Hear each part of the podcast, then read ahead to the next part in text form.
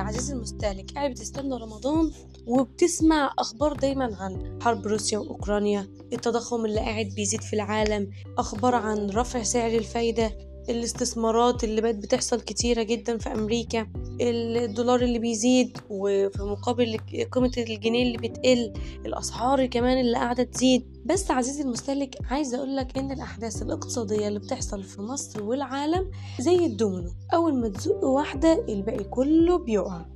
وعشان كده حبيت أربط لك كل الأحداث مع بعض. معاكم اسراء المدبولي في المقدمة والنهاردة هنتكلم عن ملخص الأحداث الاقتصادية في مصر والعالم خلال الفترة اللي فاتت لغاية النهارده. يلا بينا نبدأ مع بعض من حرب روسيا وأوكرانيا. هتقولي حرب روسيا وأوكرانيا إيه؟ وإحنا مالنا إحنا في مصر هنا؟ أقول لك لا طبعا مصر دولة مستوردة درجة أولى. يعني إيه؟ يعني مصر بتستورد حاجات أساسية حاجاتها من السلع الغذائية الأساسية زي الرز والقمح والذرة. كل دول بتستوردهم. وكمان بتستورد الطاقة. يعني إيه؟ يعني بتستورد مثلا البترول والغاز الطبيعي. الحاجات دي كلها بتستوردها برضو من بره طب ومين اللي تعتبر سلة غذاء العالم؟ وأكتر دولة بتنتج قمح وتصدره. أوكرانيا طبعا. طب ومين التانية في العالم اللي بتنتج بترول ومشتقات النفط وتصدره؟ روسيا. فطبعا دولت بيمثلوا هما الاتنين بيمثلوا سوق كبير جدا للدول. ودول كتير نامية زي مصر بتستورد منهم عشان تسد حاجاتها الأساسية. طبعا أوكرانيا باظت خالص ومعدتش قادرة إن هي تكمل وتستمر في نشاطها الاقتصادي اللي كانت بتعمله أو إنها تنتج وتصدر زي ما كانت بتعمل. وطبعا روسيا اتفرض عليها عقوبات اقتصادية كبيرة جدا. ما تقدرش إن هي تنتج برضه وتصدر أو ممكن تنتج بس ما تقدرش تصدر لنا. أو اللي هيستورد منها هيتفرض عليه عقوبات اقتصادية من أمريكا وأوروبا ما يقدرش إن هو يتحملها. يعني زي ما تقول كده إن العالم لازم يعتمد على نفسه.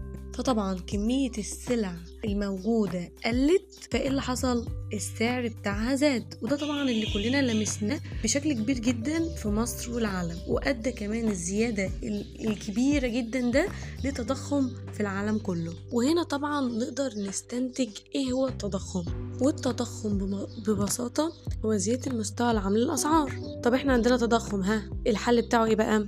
نزود سعر الفايدة ليه بقى إسراء؟ علشان الناس يغريهم سعر الفايدة الكبير في البنك فينتقلوا ويوجهوا كل فلوسهم في البنك فيقللوا طلبهم على المنتجات والسلع وبالتالي يقل سعرها فيقل مشكلة التضخم بقى شوية وده فعلا اللي حصل. صحينا الصبح يوم الأربع لقينا البنك الفيدرالي الأمريكي زود سعر الفايدة بنسبة 25 من 100 في المية وقال إن هيبقى فيه زيادة طول السنة ديت ممكن توصل ل 2% الناس طبعا ما كدبتش خبر. ونقلوا فلوسهم واستثماراتهم ويحطوا الفلوس بتاعتهم في البنوك الأمريكية. بس ده طبعا مش لأمريكا لوحدها.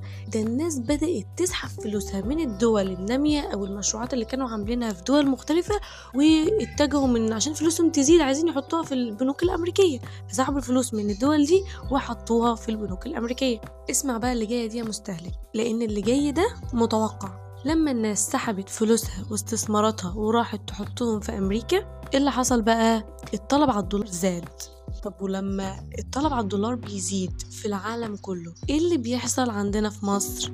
الجنيه بيقل لأن طبعا الجنيه بتاعنا متعوم. طب إيه هو التعويم؟ يعني محددش سعر معين للجنيه وأسيبه للعرض والطلب. عليه. طيب جميل. الجنيه قيمته بتقل والتضخم لسه مكمل معايا والحاجات أسعارها بقت بتزيد جدا جدا وخصوصا الحاجات المستوردة أو السلع المستوردة. فالحكومة حبت تنقذ الموقف فعملت إيه؟ زودت سعر الفايدة بنسبة واحد في المية عشان الناس تبدأ تحط فلوسها في البنوك فيقل الطلب على السلع وبالتالي بتقل سعرها. وبس كده يا مستهلك. ده ملخص الأحداث الاقتصادية في الفترة اللي فاتت ولو عندك أي أسئلة ممكن تكتبها في ال comments وهرد عليها. وما تنساش تعملنا share وتقرأ أكتر عن الموضوع من المصادر اللي سايباها في ال description واستنوني الحلقة الجاية. كل سنة وأنتم طيبين. سلام.